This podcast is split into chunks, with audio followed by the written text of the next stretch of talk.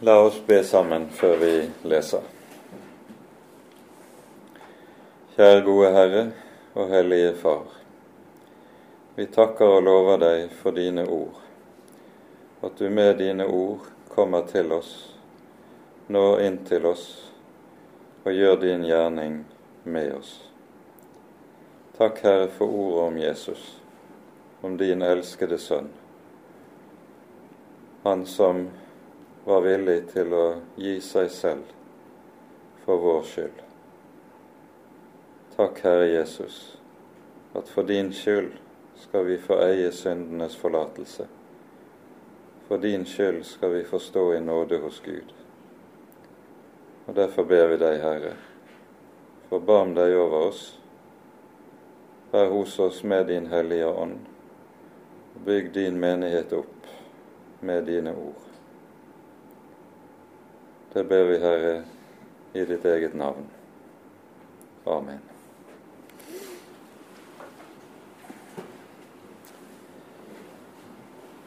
Når vi nå gir oss i kast med det 13. kapittelet i apostlenes gjerninger, så gir vi da oss da også inn i eh, det avsnittet der vi hører om starten på Paulus' første misjonsreise. Apostelgjerningene forteller jo om tre slike misjonsreiser, i tillegg til at vi fra kapittel 22 av hører om Paulus' fangenskap og reisen til Rom etter at Paulus har innanket saken sin for keiseren. Og eh, når vi hører om første misjonsreise, så går beretningen om denne gjennom kapittel 13 og 14. Den første misjonsreisen er relativt kort i forhold til de to neste. I den uh, uh, I tillegg til at Paulus og Barnabas besøker Kypros, så gjør de en sving inn i det sentrale Asia, eller dagens Tyrkia, Eh, det som er dagens Tyrkia, var jo en romersk provins som ble kalt Asia på denne tiden. Utgangspunktet for misjonsreisen det er Antiokia. Antiokia er sendemenigheten som eh, Paulus og Barnabas sendes ut fra. Og vi hører eh, at hver av de tre misjonsreisene så å si avsluttes med at Paulus vender tilbake til Antiokia og forteller om det som har uh, skjedd i forbindelse med de ulike reisene. Første misjonsreisen har også i tid vært relativt kort i forhold til de to neste misjonsreisene. Eh, I det det også er sånn at de opphold Paulus gjør i de ulike byene, ser ut til å være relativt kortvarige. Eh, det plantes menigheter i flere av de byene vi her hører om. Men eh, oppholdet er likevel i disse byene ganske kortvarig.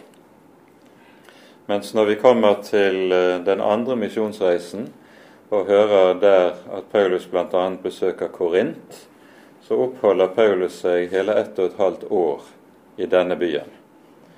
Og på den tredje misjonsreisen, når Paulus også er i Efesus, så oppholder han seg hele to år i Efesos før han gir seg på vei videre.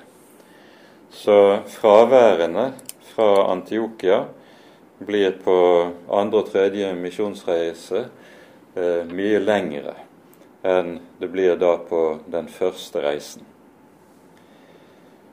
De som prøver å holde orden på kronologien når det gjelder eh, Paulus' virke. De mener at eh, den første misjonsreisen starter antagelig år 47 etter Kristus.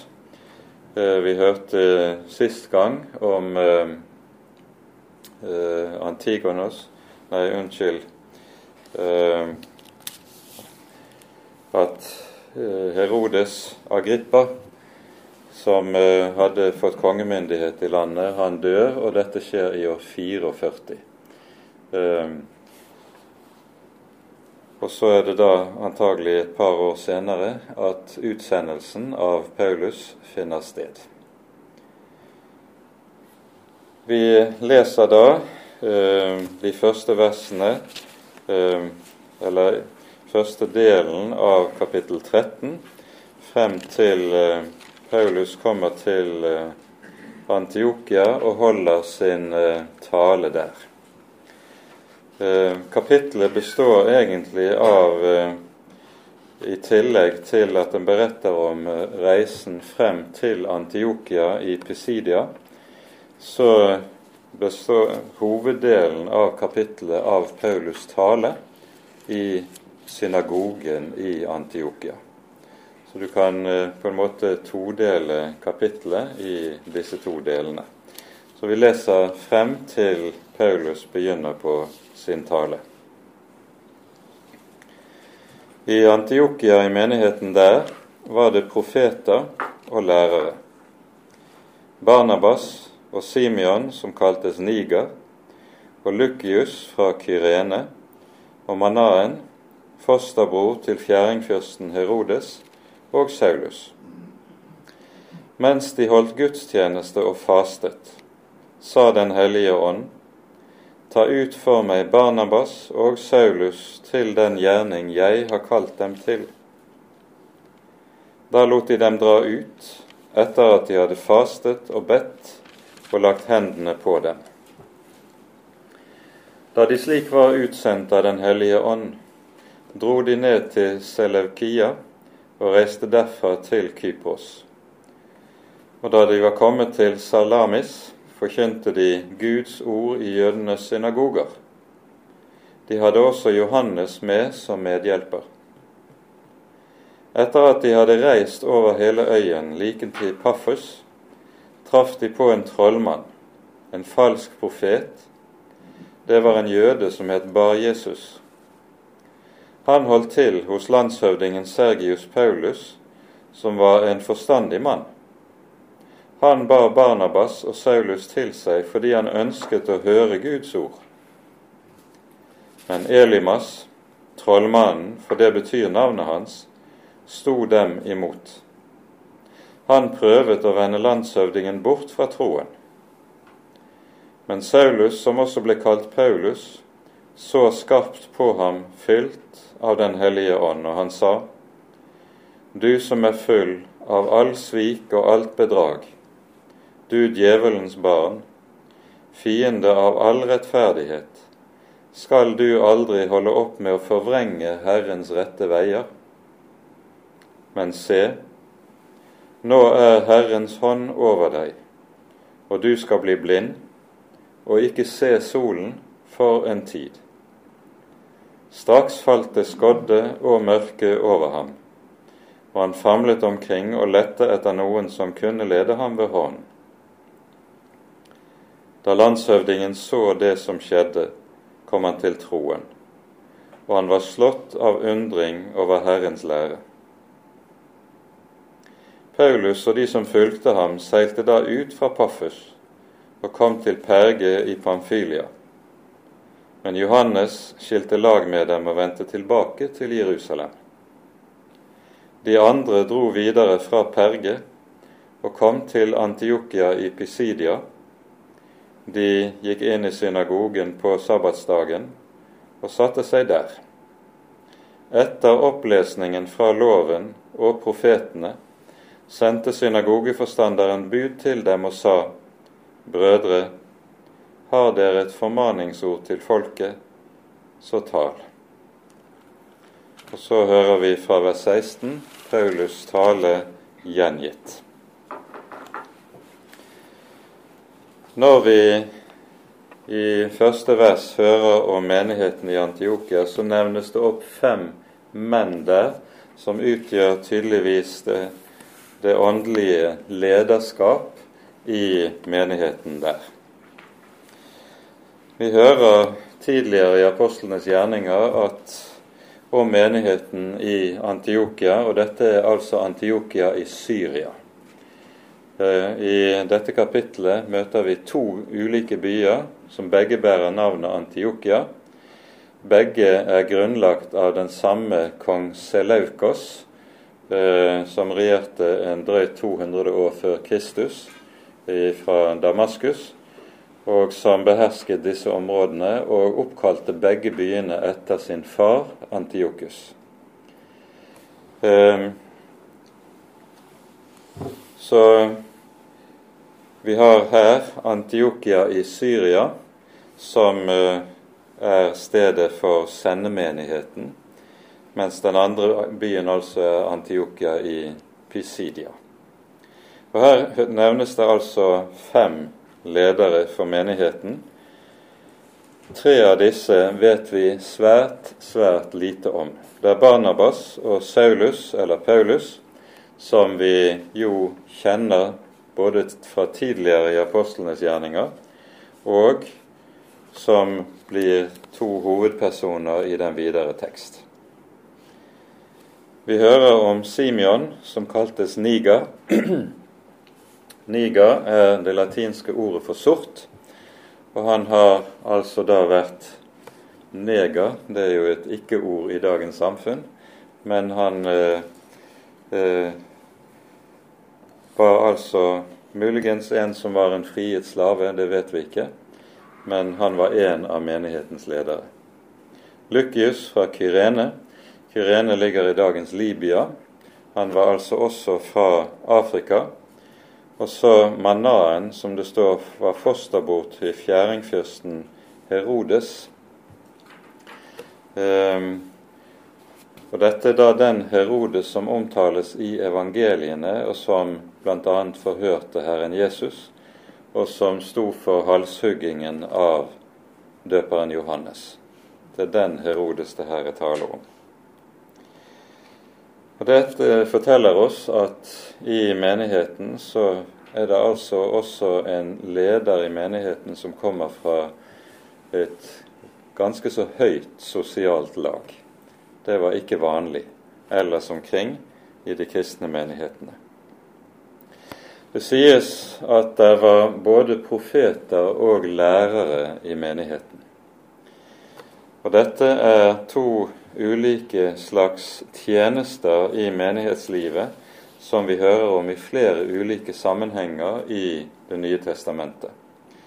I 1. Eh, Korinterbrev kapittel 12, der det taler om ulike nådegaver og tjenester, der nevnes disse opp, og de nevnes nest, nærmest i samme åndedrag.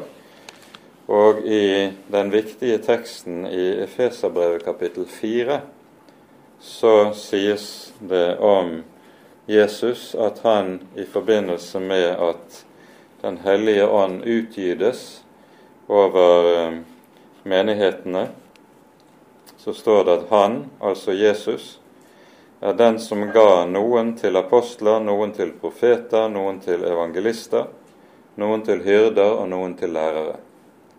Poenget med det som her sies, er at disse ulike tjenestene i den kristne menigheten, det er noe som er innstiftet av Jesus selv. Det er ikke noe som er menneskepåfunn, som mennesker har tiltatt seg av praktiske grunner fordi man mener det må være eh, det er fornuftig å ha en eh, ordnet eh, ledelse av menighetene. Men det er altså en ulike tjenester som er innstiftet av Jesus selv. Og Så er det da slik at i disse som uh, her listes opp i Efeserbrevets fjerde kapittel, da var det vanligvis slik at apostler, profeter og evangelister det var omreisende forkynnere, mens hyrder og lærere de var fastboende, de var faste i den lokale menighet. Vi skal ikke si så veldig mye om eh, dette her og nå. Vi kommer tilbake til noe av det i forbindelse med kapittel 14, der eh, det, vi hører at Paulus, når han har eh, kommet til veis ende på den første misjonsreisen, så reiser han tilbake samme veien han var kommet. Og da står det at han innsetter eldste, eller ledere, i hver enkelt menighet, slik at det skal være ordning på den sak. Men dette kommer vi altså tilbake til. Så hører vi mens de holdt gudstjeneste og fastet.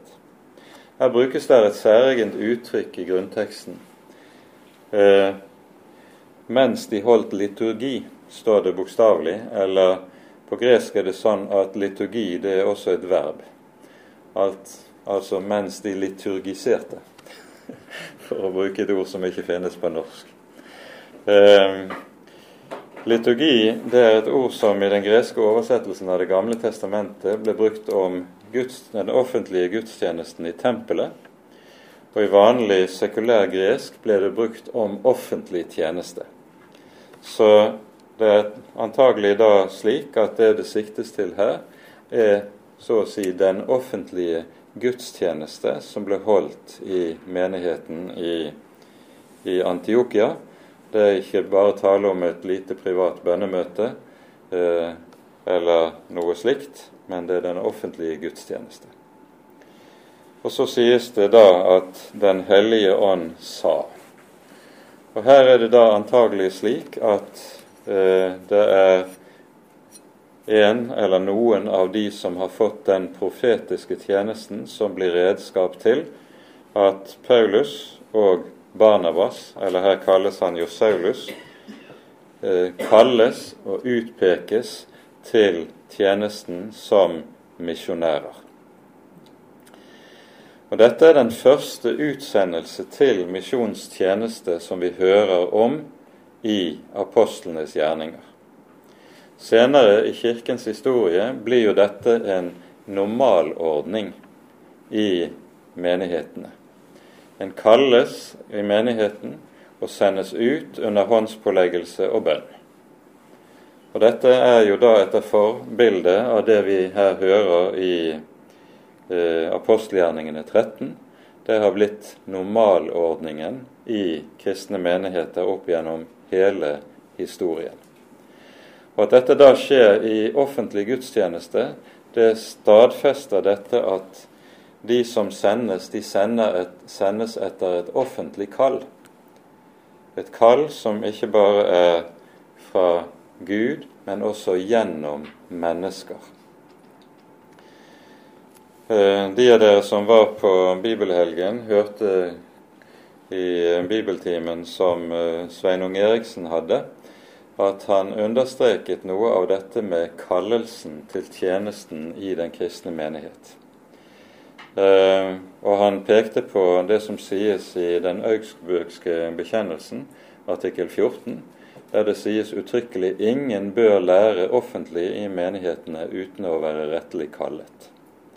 Og Det å være rettelig kallet, det, med det tenkes da på det at det gis et offentlig kall fra menighetene til dette. Så det, og det er nettopp det som da også skjer i forbindelse med kallet og sendelsen av Barnabas og Saulus Eh, slik vi hører det her i Antiokia. Når vi hører om Barnabas og Saulus her, så slutter det seg til det som sies i de to siste versene i det tolvte kapittelet. Her sies det først, etter eh, at eh, Herodes døde omtalt, så står det Guds ord hadde fremgang og bedte seg stadig videre ut, og Barnabas og Saulus vendte tilbake fra Jerusalem etter at de hadde fullført sin tjeneste, og de tok med seg Johannes med tilnavnet Markus. Den tjenesten det da sikter til, er det at det hadde vært en innsamling til de fattige i Jerusalem, i, i Antiokia, og så var Paulus og Barnabas sendt av sted for å overbringe pengegaven til menigheten i Jerusalem. Og Dette kalles da en tjeneste som de da når de har fullført, så vender de tilbake til Antiokia, der de tydeligvis begge to har hatt en stilling som ledere og som lærere med Guds ord i menigheten. Vi hører også at det tales om faste i menigheten her. Og dette er noe som eh, vi ikke hører meget om i eh, apostlenes gjerninger. Det nevnes i et par ganske få sammenhenger. I Det gamle testamentet er det jo slik at det er bare én dag i året som er befalt å være fastedag. Og det er den store forsoningsdagen. Da skulle hele folket faste, slik vi leser om det i 3. Mosebok 16. kapittel. All annen faste som vi hører om, var frivillig. Men på Jesu tid så hadde fariseerne gjort det slik som en regel at de fastet to dager i uken. Det var tirsdag og Nei, unnskyld, mandag og eh, torsdag som var fastedager for fariseerne. Og når vi hører om tolleren og fariseeren som går opp i tempelet for å be i Lukas 18, eh, så vi hører vi at fariseeren bl.a. nevner dette at han faster to ganger i uken. Det er helt i tråd med det man vet og kjenner til fra fariseernes praksis på Jesu tid. Det foreligger ingen befaling om faste i eh, Det nye testamentet. Men det vi ser, det er at faste var noe som kunne, man kunne gjøre enten i forbindelse med stor sorg eh, eller i forbindelse med behovet for særlig åndelig konsentrasjon. Og det er muligens det som det siste som ligger bak det vi da hører her i apostelgjerningene 13, men det sies altså ikke stort om det for øvrig. Så er det da altså at menigheten ber, legger hendene på Paulus og Barnabas, og så sendes de ut. Og det understrekes da i det fjerde verset at de var utsendt av Den hellige ånd. Det vi kanskje også i denne sammenheng skal være oppmerksom på, det er at Paulus allerede i forbindelse med sin omvendelse får høre fra Herren Jesus at han nettopp er utpekt til en slik gjerning som han nå går inn i.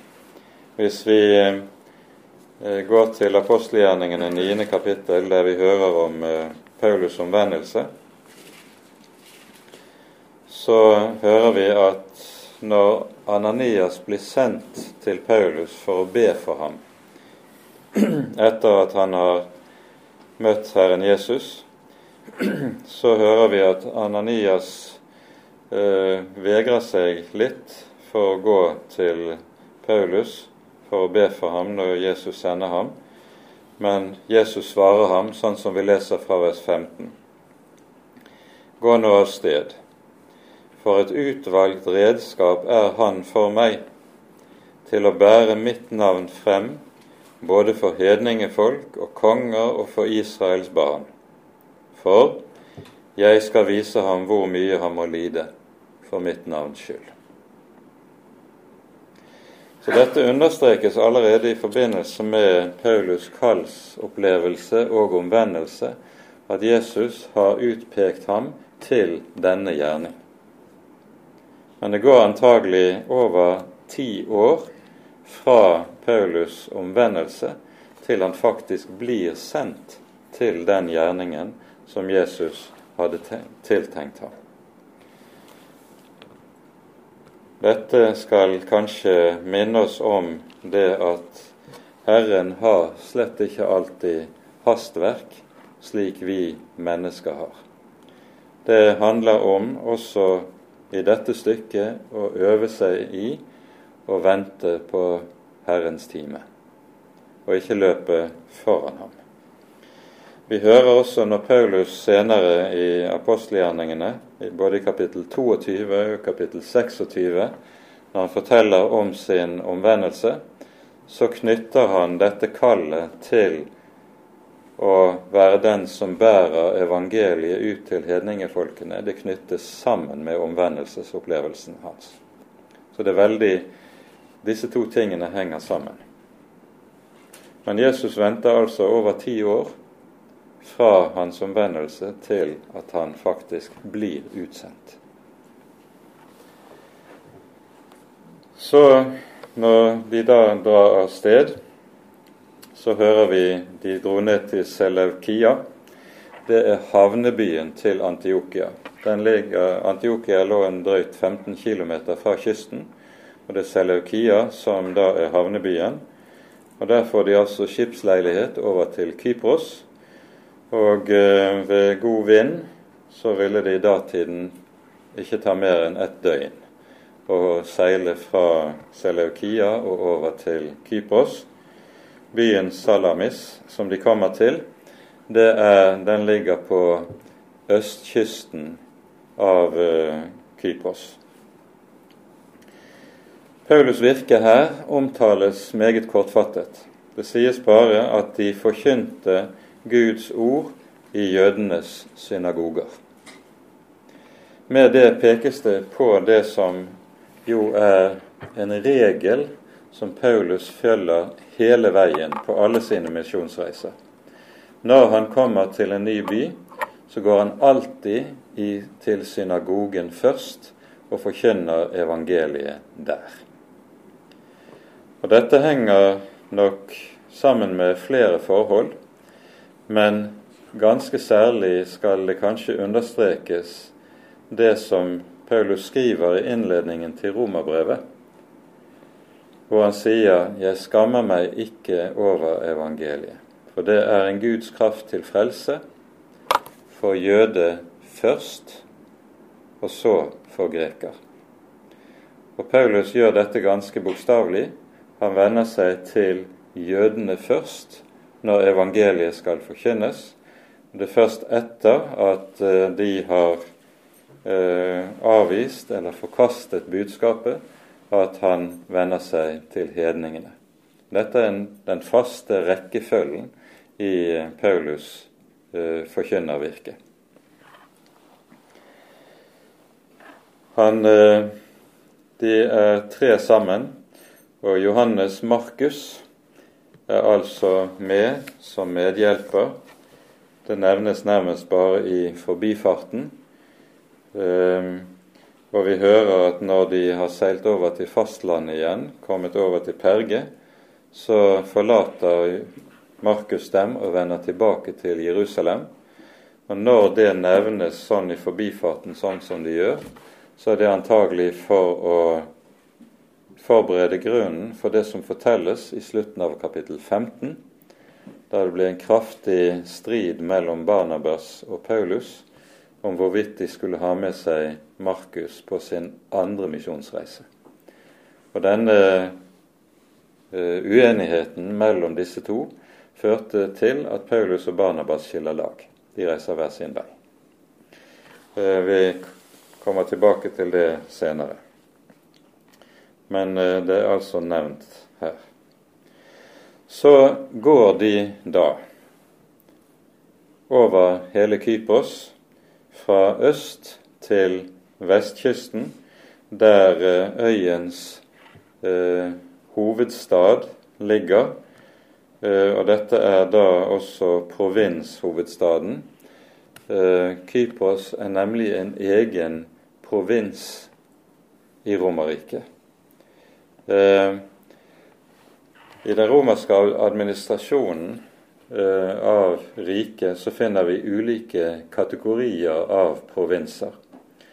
Du har det som kalles for senatsprovinser, der eh, de som var landshøvding, det er landshøvding det oversettes med i biblene våre, de var oppnevnt av senatet. Og de var oppnevnt for ett år av gangen og i senatsprovinsene så var det sivilt styre. Så har du keiserlige provinser, Her var det keiseren som oppnevnte eh, landshøvdingene, og disse hadde militært styre. Så på, det var på en helt annen måte eh, slik at her kom Romerriket til syne som okkupasjonsmakt i de keiserlige provinsene. Eh, så Kypros var altså en senatsprovins, og landshøvdingen som vi hører om her, Sergius Paulus, kjenner man fra flere eh, kilder i datiden. Han omtales skriftlig av noen av de romerske forfattere, og man har funnet navnet hans innskrevet på, i stein et par steder på Kypros også. Så han er tydelig en mann som er kjent rent historisk. Og her i Paphos, eh, i tillegg til at denne byen også var sentrum eller hovedstad i provinsen Kypros, så finner man også et afroditetempel et meget stort, og som ble regnet som meget betydelig i samtiden. Afrodite var jo kjærlighetens gudinne i gresk mytologi, og i afroditetemplene var det tallrike prostituerte. Det var en del av den hedenske gudsdyrkelsen i, som hørte inn under dette. Eh, det var, og det var både mannlige og kvinnelige prostituerte i disse templene. De var heller ikke få. Så her gikk religion og grov umoral hånd i hånd. Så dette sier en del om den kultur som eh, apostlenes forkynnelse inngår i, og som de har å kjempe med. De kommer altså til Paphos, og så er det de støter på denne trollmannen som eh, heter Bar-Jesus. Og det betyr Bar på arameisk betyr sønn, så det betyr navnet hans betyr rett og slett sønn av Jesus. Og det blir en veldig kontrast mellom det han heter, Bar-Jesus, og det at Paulus kaller han du er sønn av djevelen. Men han er altså, sies det, en trollmann. Vi får ikke vite veldig mye om uh, dette akkurat i denne sammenheng, men eh, når det taler om trollmenn, så er det tale om en religiøs praksis, en okkult praksis, som var utbredt og hadde et stort grep om hele befolkningen i det gamle romerske hedenskap. I Det gamle testamentet er det jo slik at alle former for okkult praksis forbys på det aller strengeste. Enten det nå gjelder maning eller andre typer trolldomskunster, spådomskunst likeså. Um, i eh, apostelgjerningene 20. kapittel, der vi hører om Paulus virke i Efesos, så hører vi om at det er mange som var, drev med den slags utillatelige kunster, som omvendes og kommer til tro på evangeliet. Og når de kommer til tro på evangeliet, så brenner de sine bøker. Nemlig de magiske bøkene som eh, inneholder formularer og alle mulige som har med det okkulte med trolldommen å gjøre. Og det var etter det som sies i apostelgjerningene 20, et ikke rent lite bål det handler om. Når eh, Israel forbys eh, det som har med trolldom å gjøre, slik vi hører det i en rekke sammenhenger i Det gamle testamentet, så henger det sammen med to ting. For det første er dette brudd på det første bud. For det annet så er det slik at alt som har med det okkulte å gjøre, det setter mennesker i berøring med onde åndsmakter. Akkurat som Bibelen lærer oss at Gud har sine engler som er tjener, hans tjenere, så har djevelen også sine engler som er hans tjenere. Og de som driver med den slags, kommer i forbindelse med med den slags krefter, Og et menneske kan ikke få forbindelse med slike krefter uten at de også får makt over det. Derfor er det også dypt farlig å begi seg inn i den slags eh, som omtales som trolldom i denne sammenheng. Bare Jesus han bærer også navnet Elimas. Han prøver å vende landshøvdingen bort fra troen, selv om han har kalt til seg Paulus og Barnabas fordi han ønsker å høre Guds ord. Og så er det dette meget enestående skjer som vi her hører om. Vi hører om to lignende saker i apostlenes gjerninger. I kapittel tre så hører vi om Peter når han og Johannes er på vei opp til tempelet for å be. Så finner de denne lamme tiggeren ved inngangen til tempelet. Og så står det at Peter så skarpt på han, ble fylt av Den hellige ånd, og så taler han til ham, og mannen helbredes gjennom Peters tiltale. Så hører vi også tilsvarende om det som skjer med trollmannen Simeon i det åttende kapittel. Der har vi et lignende tilfelle. Men det vi her hører om, det har vi for så vidt ingen parallell til. Paulus taler til ham, og Paulus' ord handler om at Elimas skal bli det han er, at han skal bli blind. Bli blind, sies det, for en tid. Og så skjønner vi med det at det som rammer denne mannen, det er det samme som rammet Paulus selv utenfor Damaskus. Det er for en tid. Og når et menneske på denne måten rammes, så er det alltid med tanke på at dette mennesket skal bringes til besinnelse og til omvendelse. Men dette er altså noe som er helt særegent, og som vi ikke hører om mange parallelle tilfeller til eh, i øvrig i Det nye testamentet. Det som skjer ved Paulus ord, det er at når landshøvdingen får se hvilken åndsmakt det er i det budskap som Paulus representerer, så bringer det ham til tro.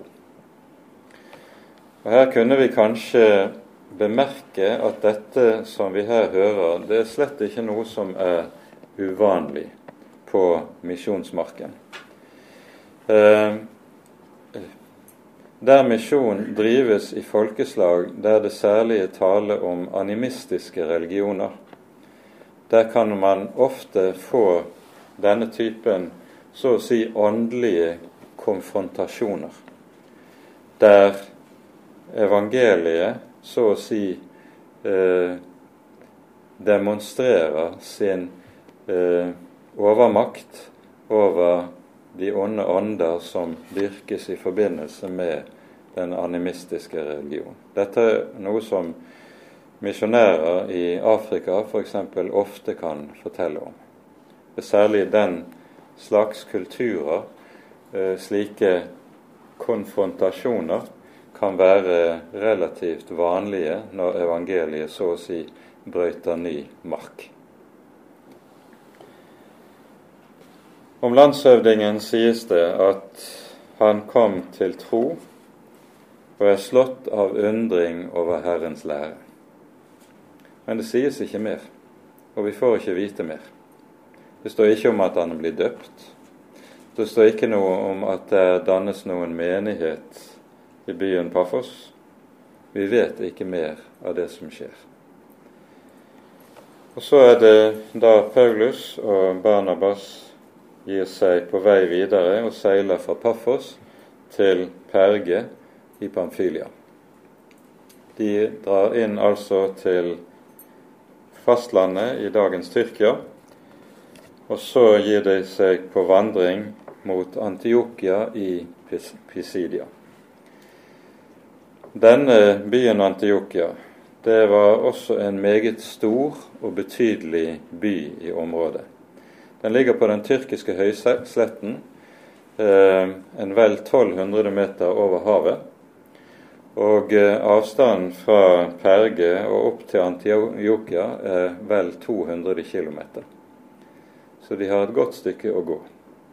De gikk til fots.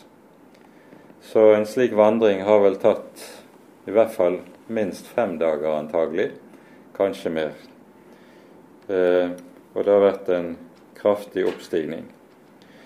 Og her er det vi for første gang får høre mer utfyllende om hvorledes Paulus virker og taler. Det står de gikk inn i synagogen på sabbatsdagen og satte seg der.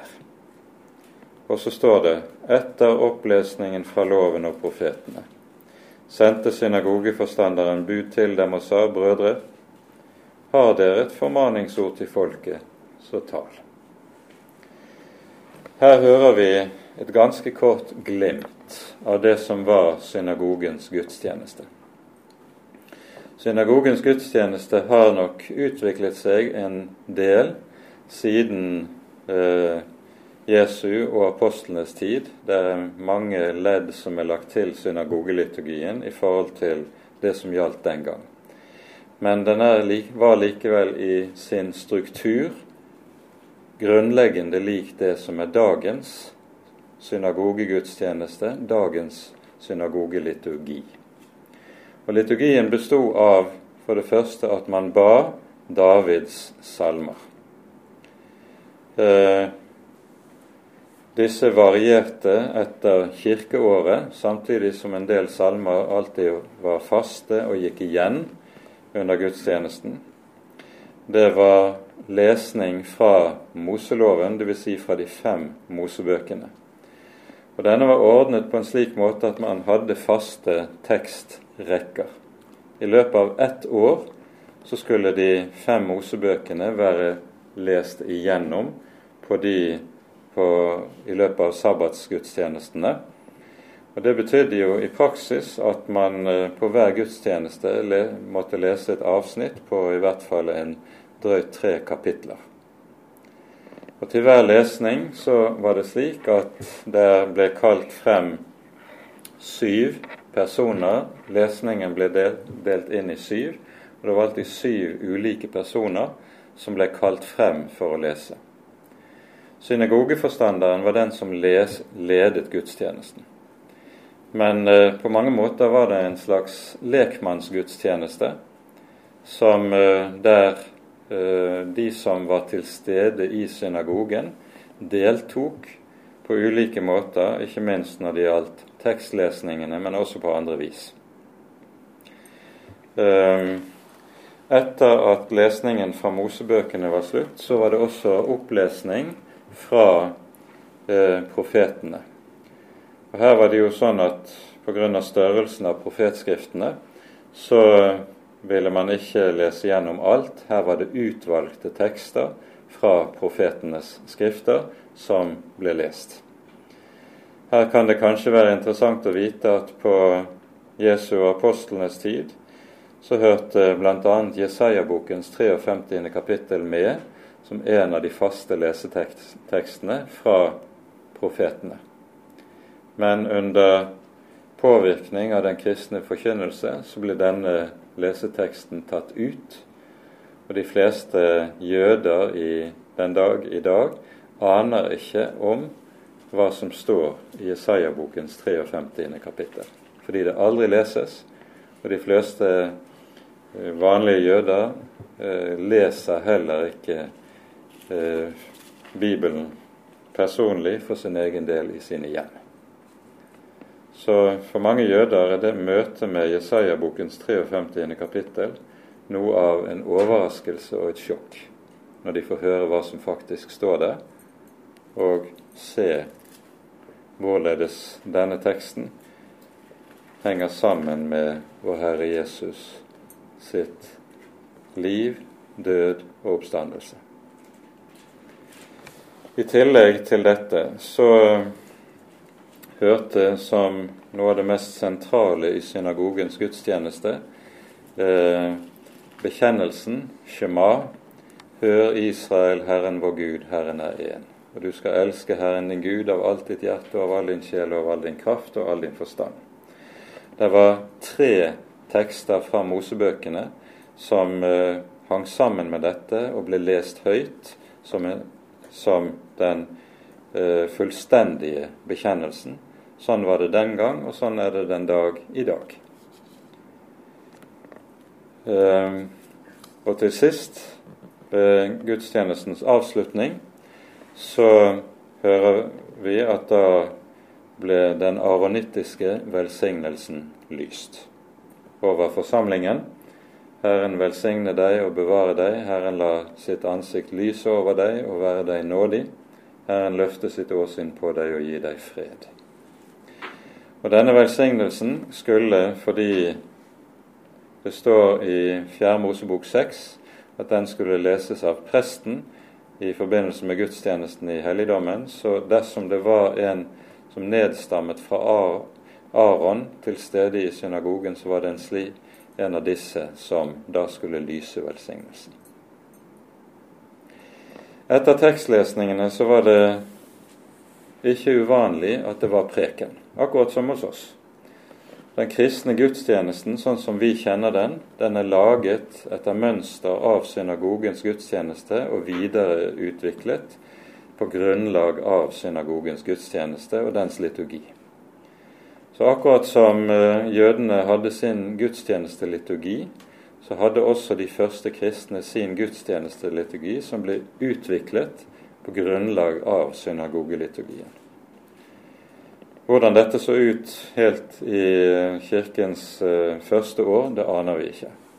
Det er først når vi kommer en 100-150 år etter apostlenes tid at man finner skriftlig nedfelt eh, riss av det som var den eldste kristne gudstjeneste. Men det man ser allerede der, det var at den kristne menighet, når den var samlet, så hadde den en ordnet liturgi. Den første kristne gudstjeneste var ikke lik eh, et friluftsmøte à la det som Frelsesarmeen av og til kan ha på torget. Det var en periode på 1800-tallet at teologene hadde fått det for seg at det var det som var den første kristne gudstjenesten. Det stemmer ikke med det man meget godt vet, eh, både ut fra antydninger i Det nye testamentet og ellers fra kirkefedrenes skrifter. Når Paulus så ropes frem av synagogeforstanderen Brødre, har dere et formaningsord til folket? Så er vel det kanskje slik at det fremgår av Paulus frem, klesdrakt muligens, at han er rabbiner. Vi hører jo fra Paulus' egen munn i apostelgjerningene kapittel 22 at han sier han er utdannet ved Gamaliels føtter. Det betyr at han har gjennomgått rabbinerutdannelsen hos sin samtids høyest ansette lærde. Og eh, selv om Paulus aldri sier dette selv, så innebærer hele, alt det vi tidligere hører om ham, at uh, han høyst sannsynlig også har hatt ordinasjonen som rabbiner. Med alt det det innebærer av status og uh, posisjon innenfor jødedommen. Og Det er mulig at dette også er noe som har fremgått av hans klesdrakt.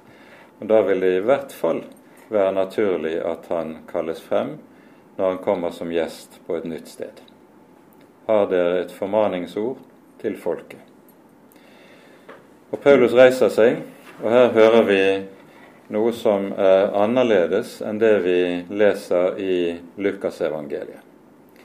I Lukas 4 hører vi om Jesus i synagogen i Nasaret. Her hører vi også noen glimt fra hvorledes synagogegudstjenesten var. Men der sies det at etter at Jesus har lest fra profeten Jesaja, så setter han seg for å undervise. Det var det normale i Israel, at den som underviste, satt når han prekte. Mens her i diaspora, der står en når en preker. Så Paulus trer frem og reiser seg og står når han taler. Dette er sånne små detaljer som man kanskje ikke legger merke til når man leser det sånn igjennom, men som sier en del hver på sin måte om eh, forholdene i datidens jødedom. Og Sannsynligvis er det slik at når Paulus her taler i synagogen, så taler han på gresk. Han er jo vokst opp i Tassos, slik at han taler gresk som sitt eget morsmål. Det ser man meget godt av uh, brevene hans. Han, uh, hans gresk er en lærd manns gresk. Han er en som kan gresk som sitt eget morsmål. Mens uh, andre av de nytestamentlige forfattere er svakere på dette området. Apostelen Johannes f.eks. skriver meget, meget enkel gresk. Det er tydelig at han ikke har den fortroligheten med det greske språket som en Paulus har. Så er det vi da hører Paulus tale. Og ut fra denne talen, der vi hører det særlig i første halvdelen av talen, eh, tas utgangspunkt i to saker fra Det gamle testamentet, nemlig Israels ørkenvandring og fortellingen om kong David. Så har, eh, er det mange fortolkere som har gjettet på at dette også har vært tekstlesningene som lød i synagogen før Paulus ble kalt frem for å tale. En har gjettet på at lesningen fra Mosebøkene var fra 5. Moseboks første kapittel og andre kapittel, der Moses jo gjenforteller hva som skjer under ørkenvandringen. Og en har gjettet på at lesningen fra profetene var fra 2. Samuels bok, kapittel 7, der vi hører om Natans profeti som sier at i Davids ett skal Messias fødes. I den jødiske eh, tekstboken er det nemlig slik at Samuelsbøkene sammen med kongebøkene ble regnet til profetenes skrifter. Unnskyld. Dette er jo gjetninger, men eh, de er ikke uten eh, ganske god grunn. Og Da tar vi oss tid til å lese gjennom hele talen til Paulus her i Antiokia. Paulus sto da opp og slo til lyd med hånden og sa:" Israelittiske menn, og dere som frykter Gud, hør. Israels Gud, dette folks Gud, utvalgte våre fedre. Han lot folket vokse seg stort under utlendigheten i Egypt, og han førte dem ut derfra med løftet arm. I en tid på omkring 40 år bar han dem på faderarm i ørkenen. Han utryddet sju folkeslag i Kanans land og skiftet deres land ut til arv for dem. Etter dette ga han dem dommere i omkring 450 år, inntil profeten Samuel.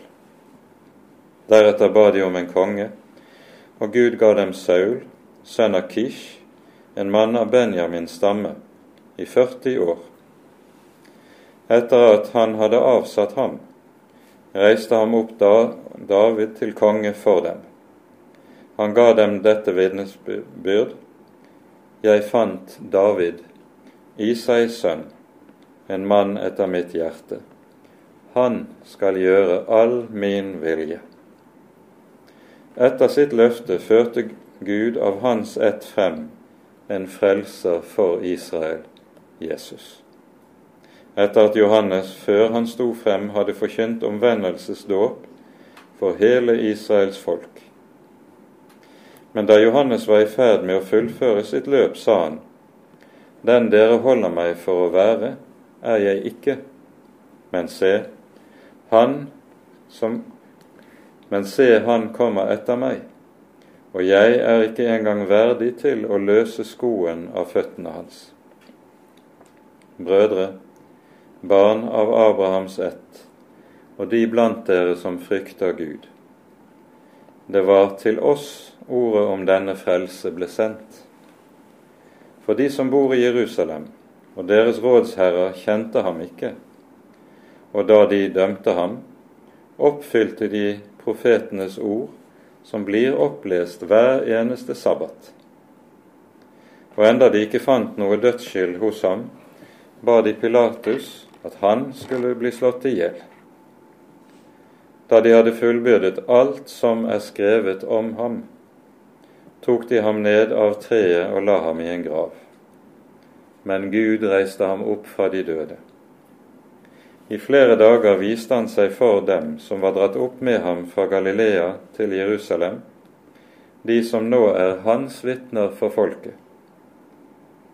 Og vi forkynner dere evangeliet om det løftet som ble gitt til fedrene. Dette har Gud oppfylt for oss, deres barn, da han reiste Jesus opp. Slik står det jo skrevet i den andre salmen. Du er min sønn 'Jeg har født deg i dag', men at han reiste ham opp fra de døde, så han ikke mer skal vende tilbake til tilintetgjørelse.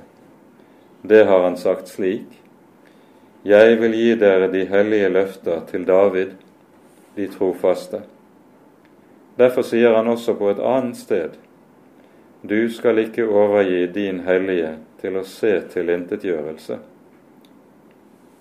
For David sov inn etter at han i sin levetid hadde tjent Guds råd.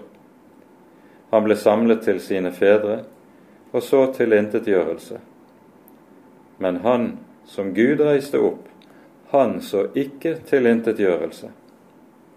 Derfor skal dere vite, brødre, at ved ham forkynnes syndenes forlatelse for dere, og fra alt det som dere ikke kunne rettferdiggjøres fra ved Moselov, rettferdiggjøres i ham enhver som tror. Se derfor til at ikke det kommer over dere som er sagt hos profetene. Se dere foraktere, undre dere og bli til intet. For en gjerning gjør jeg i deres dager, en gjerning som dere ikke vil tro om noen forteller det. Da de gikk ut, ba folk dem om at disse ord måtte bli talt til dem også neste sabbat. Vi rekker jo ikke å kommentere denne talen stort, men vi bare peker på det grunnleggende faktum som gjelder apostlenes forkynnelse slik vi møter den i apostelgjerningene. Den er bygget over en mal som handler om at det står skrevet, og for det andre vi er vitner om at det som er skrevet, er gått i oppfyllelse. Det er malen. Det er altså en forkynnelse som handler om Skriften og oppfyllelsen av Skriften. Det er det som er innholdet i apostlenes taler. Og det gjelder alle talene som vi hører i apostelgjerningene, på ett unntak nær. Talen på Areopagos følger ikke denne malen. Og Det henger sammen med at talen på Areopagos er holdt for mennesker som er fullstendig fremmede for den bibelske åpenbaring, og ikke kjenner de hellige skriftene overhodet. Mens de øvrige talene, de har altså Eh, tilhørerskare som i større eller mindre grad kjenner de hellige skrifter.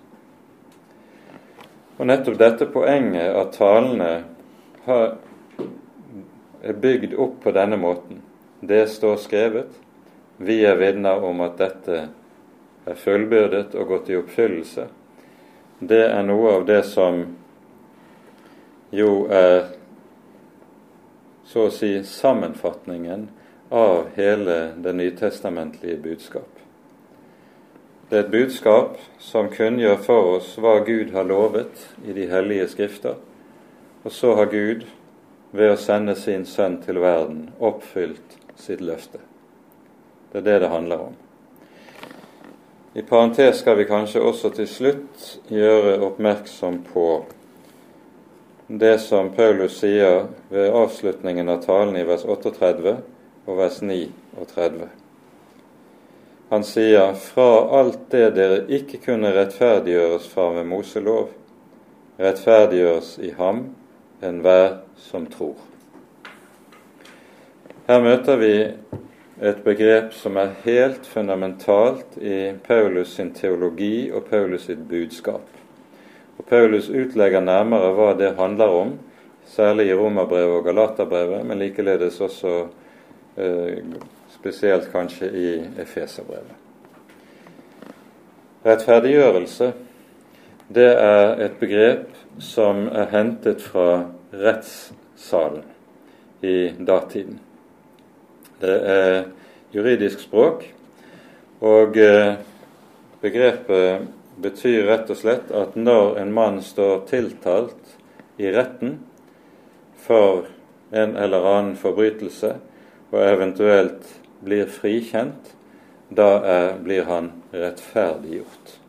Ordet 'rettferdiggjøre' det betyr bokstavelig å bli frikjent for dommen. Det er altså ikke et ord som taler om at man, et menneske blir rettferdig i seg selv, men det er et ord som er det man i teologien har kalt for et forensisk ord. Det er et ord som er hentet fra rettssalen, og som sier, beskriver det at den anklagede, han frikjennes for domstolen. Og det er det som skjer ved evangeliet. Ved troen på evangeliet om Jesus så frikjennes syndere for det de er anklaget for for Guds domstol. Det er det det dreier seg om i evangeliet.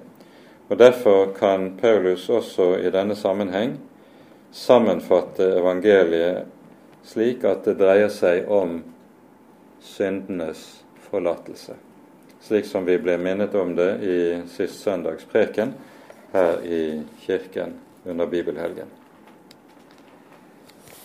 Med det tror jeg vi setter punktum for i dag. Det er, tiden er løpt fra oss, og eh, vi får fortsette med dette neste gang. Ære være Faderen og Sønnen og Den hellige ånd, som var og er og være skal, en sann Gud, høylovet i evighet. Amen.